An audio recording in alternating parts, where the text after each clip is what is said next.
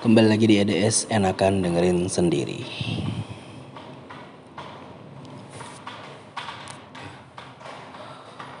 Udah berapa lama nih gue nggak bikin podcast nih. Jadi gue lagi ada di uh, kantor gue yang lama. Gue lagi ada keperluan sih di sini ada sedikit uh, ya support lah, support di cabang gue yang lama. Karena kan gue ditaruhnya karena kan di pusat ya di kantor pusat. Sekarang gue ditempatkan untuk support cabang cabang-cabang yang uh, terikat di perusahaan gue jadi ya lumayan cukup banyak hmm, activity yang gue lakukan gitu. Jadi nggak sempat yang namanya bikin konten. Berkali-kali uh, si Kauhid juga ngajakin gitu kan. Ngebahas buat bikin GBH48 cuma kayaknya gue uh, terlalu banyak tugas gitu ya. Jadi nggak nggak nggak nggak sempet gitu yang namanya kita uh, bikin bikin konten tuh ya. Nah. Tuh kali ini sih gue pengen ngebahas tentang uh, ini yang sempat gue hmm, kesel juga ya. Yang baru-baru ini juga terjadi yaitu tentang uh, Bang Giring nih ya Bang Giring yang bikin statement untuk uh, apa ya? Statement statement pro, provokatif lah statement protoko, provokatif. Ya, susah banget sih gue ngomongnya. Statement provokatif uh, untuk Pak Anies Baswedan yang menurut gue untuk orang yang punya atau punya uh, keinginan untuk bisa maju sebagai uh, presiden di Pilpres 2020 2024 2024 ya? Iya, Pilpres 2024 menurut gua eh, dengan caranya dia melakukan hal yang eh, provokatif ya, bisa gue bilang itu provokatif ya. Provokatif itu nggak sepantasnya sih menurut gue sih nggak sepantasnya dia ngomong kayak gitu. Karena itu eh, jatuhnya adalah eh, jadi penggiringan opini gitu. Apalagi dia bilang kinerjanya yang buruk dan kinerjanya yang buruk dan dia bilangin kalau misalnya dia maju sebagai presiden 2024 tolong uh, masyarakat jangan pilih. Menurut gua uh, apa yang udah dilakukan Pak Anies uh, lebih kalau misalnya seandainya ada ada hanya ada kalau misalnya gitu ya di 2024 mungkin uh, hanya ada Pak Anies dan Anda uh, Bang Kiring, mungkin gua akan pilih tapi Pak Anies karena apa yang dia kerjakan tentang terkait uh, masalah kenegaraan ataupun pemerintahan, beliau sudah tahu nih. Nah, sementara Mas Giring seperti apa? Mas Giring kan untuk ada di pemerintahan aja belum pernah gitu kan. Belum pernah ikut serta dalam kegiatan-kegiatan pemerintahan, tapi Bang Giring ini udah udah udah menggiring opini kerjaan eh, namanya giring ya kan, udah kerjanya menggiring opini masyarakat untuk tidak mem, untuk uh, berusaha tidak memilih uh, Pak Anies Baswedan dan menurut gue sih itu aneh lah. Aneh aja gitu. Maksudnya uh, kapasitas uh, Bang Giring buat ngomong seperti itu itu menurut gue nggak ada. Dan yang lebih ngeselin lagi ya, uh, tadi gue baca di Instagram yaitu uh, Ibu Grace Natali terkait masa terkait uh, Bang Giring yang melakukan uh, provokasi terhadap Pak Anies Baswedan itu dibilangnya biar masyarakat sadar itu informasi buat masyarakat. Uh, gini dulu gitu maksud gua uh, oke okay lah uh, itu itu informasi buat masyarakat. Gue setuju kalaupun seandainya itu yang ngomong adalah orang yang memang sudah sudah pernah nyemplung ke pemerintahan mungkin jadi orang DPR atau DPRD atau mungkin pernah jadi menteri menterinya bilang ah kinerja dia buruk. Oke itu itu kapasitasnya dapat gitu. Cuma untuk seorang giring bilang Pak Anies uh,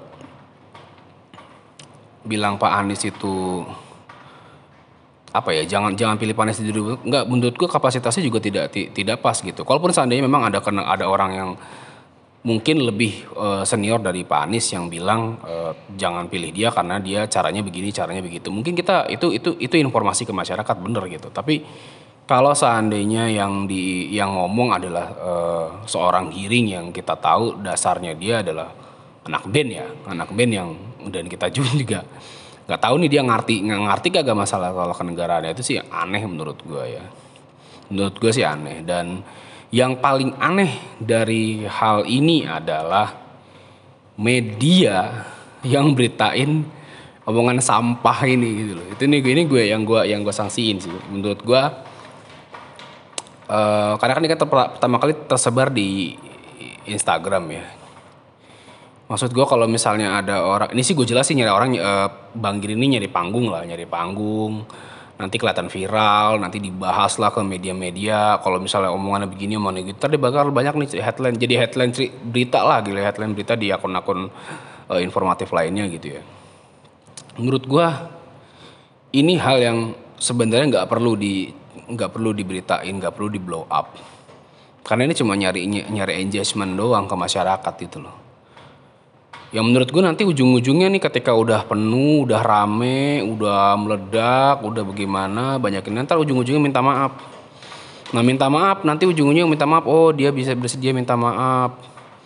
E, nanti jadi oh iya nih dia pantas nih karena dia punya ini itu yang gue itu yang gue takutin gitu loh. Maksud gue dari awal nih gue nggak paham nih ketika media ngeblow up masalah ini dia jadi makin terkenal gitu loh. Makin dihujat makin terkenal juga. Itu yang uh, jadi konsep uh, apa namanya ya bahasa ini ini tuh jadi konsep keterkenalan saat ini gitu loh.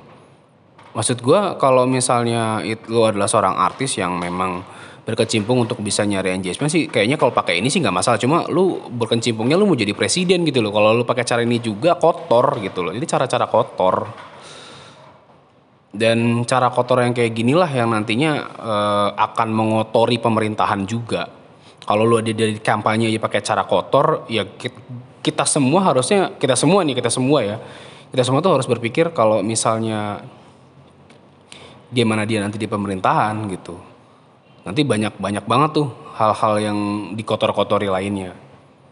Nah inilah yang sebenarnya gue gua amati ya gue bukan gue bukan politisi gue bukan negarawan, gue juga bukan budayawan, tapi gue sebagai orang awam yang melihat hal ini, gue juga juga sebagai uh, seorang netizen juga gitu. Gue gue orang biasa yang hidup berinternet dan melihat berita-berita ini tuh menurut gue ini ya inilah drill pembodohan masyarakat gitu loh. Dan kenapa hal ini di blow up oleh media? Kalau seandainya hal ini nggak ke blow up, gue yakin deh, gue yakin deh mereka nggak akan dapat panggung ini semua karena media aja. Media ngeblow up, mereka dapat engagement, mereka dapat atensi dari masyarakat. Rame rame rame rame rame. Nah, itulah nanti bakal jadi uh, apa ya? Bakal bakal jadi kekuatan buat mereka gitu loh. Dan kekuatan yang diambil dari kekuatan yang diambil dari cara yang menurut gua kotor akhirnya akan membuat jadi pemerintahan kita dikotor juga. Nah, itulah kenapa gue nggak ngerti deh uh, artis-artis yang akhirnya jadi anggota DPR. Itu yang gue nggak gue nggak paham. Kenapa lu mengambil skup yang harusnya tidak lu ambil gitu loh. Lu jadilah orang yang berkarya aja gitu, berkarya sebagai seorang artis, berkarya uh, untuk hidup lu. Cuma kalau misalnya kalau misalnya lu akhirnya ngikutin uh, ngikutin bos yang dibayar sama uh, yang ngebayar lu untuk jadi seorang anggota DPR jadinya orang anggota DPR ya jadi isinya orang-orang yang gua ya gimana ya bahasa ini nih gue mau ngomong ngomong ngomong kasar sebenarnya cuma nggak cuma nggak enak gue karena takut nanti saya dicariin sama uh, orang-orang ini ya. Itulah sebenarnya uh, ya itulah keresahan masyarakat masyarakat yang mencoba melek gitu ya mencoba melek sama pemerintahan kita saat ini kalau misalnya ditanya gue setuju jadi Pak Anies jadi presiden atau enggak gue sih nggak setuju Gue nggak pernah setuju Pak Anies jadi presiden. Kenapa? Kalau misalnya dia jadi presiden un uh, mengikuti apa yang orang uh, harapkan, buat gue sih mending jangan. Tapi kalau Pak Anies memang jadi pengen jadi presiden untuk benar-benar memperbaiki Indonesia, gue dukung. Tapi kalau misalnya Pak Anies hanya untuk mengikuti tuntutan dari masyarakat, mending gak usah. Mending Pak Anies tetap jadi gubernur gubernur ataupun jadi uh, orang pemerintahan lainnya aja. Karena menurut gua kapasitas dia untuk menjadi seorang uh, presiden pun kayaknya belum cukup gitu loh. Apalagi di tengah dia ini ya gue bilang musuhnya terlalu banyak untuk di untuk dilawan gitu loh. Karena kalaupun beliau nanti seandainya memang jadi presiden, head speech-nya akan lebih parah daripada uh, pilpres tahun lalu dan tahun-tahun sebelumnya. Ini yang gua ngeri gitu, ngeri banget pada uh, sebenarnya gitu kan. Kalau misalnya ada ada ada orang yang punya kapabilitas lain untuk bisa jadi presiden. Kalau gue sih jelas gue nggak akan milih Giring nih, ya. Kalau jelas dengan dengan cara begini gue nggak akan milih dia nih. Jelas itu jelas banget karena menurut gue cara kotor cara kotor yang udah dilakukan di awal sih menurut gue gue gak, itulah jadi penilaian awal gue sih. Dan masyarakat harusnya tahu kalau cara yang dilakukan ini cara-cara kotor gitu loh. Cara-cara kotor ini yang nantinya pasti akan kebawa ke pemerintahan dan akan terus kotor pada pada masanya gitu loh. Jadi kalau misalnya udah pakai cara kotor di awal gue nggak pernah ya gue nggak pernah yakin dia akan nanti akan sadar nggak ada nggak ada. Kalau udah pakai cara kotor di awal apalagi untuk pemerintahan yang kita tahu semua uang berguling di situ akan terus beguling masalah masalah kotor-kotoran ini. Dan untuk ya gue sih punya satu pesan lagi ya, untuk seluruh masyarakat Indonesia yang dengerin podcast gue. Jadilah masyarakat yang tidak ter, tidak terlalu cepat uh, bereaksi terhadap berita. Gue juga salah sih kemarin pada saat berita Eh, Bang Iring ini naik gitu ya, gue juga naik karena menurut gue aneh ngapain lu bikin ngapain lu belum masa kampanye tapi tiba-tiba udah belum masa kampanye tapi tiba-tiba udah bikin provokasi yang kayak gini menurut gue lu aneh gitu loh. Kotor kekotoran lu udah dilihat dari sini gitu loh. Ini atau mungkin ya lu buat kayak gini karena ada yang lu pengen lu angkat ya gue juga nggak ngerti dah gitu kan. Tapi apa pun yang terjadi ya uh, tolong masyarakat lebih ber berhati-hatilah khususnya dalam uh, men menyerap berita dan informasi yang ada di internet khususnya.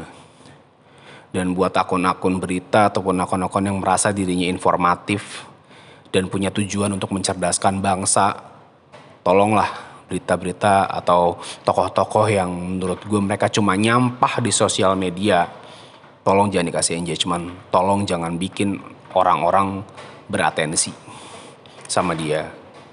Karena ngapain kita sibuk ngurusin orang yang provokasi, orang yang uh, ngotor-ngotorin pemerintahan, ngotor-ngotorin timeline eh, sosial media kita.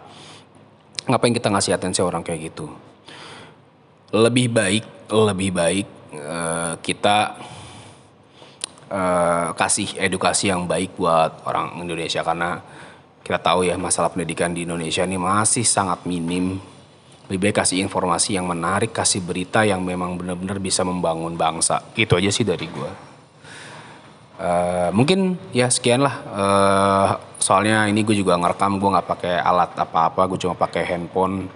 Mungkin kualitasnya juga agak kurang bagus ya. Jadi gue minta maaf karena gue gue jujur gue kalau misalnya lagi pengen uh, bikin konten ya jadi apa aja jadi gue rekam di laptop jadi nggak ada mic gue pakai handphone uh, kayak kemarin gue bikin sembari pulang gue di motor suaranya gede-gede juga nggak masalah gitu kan.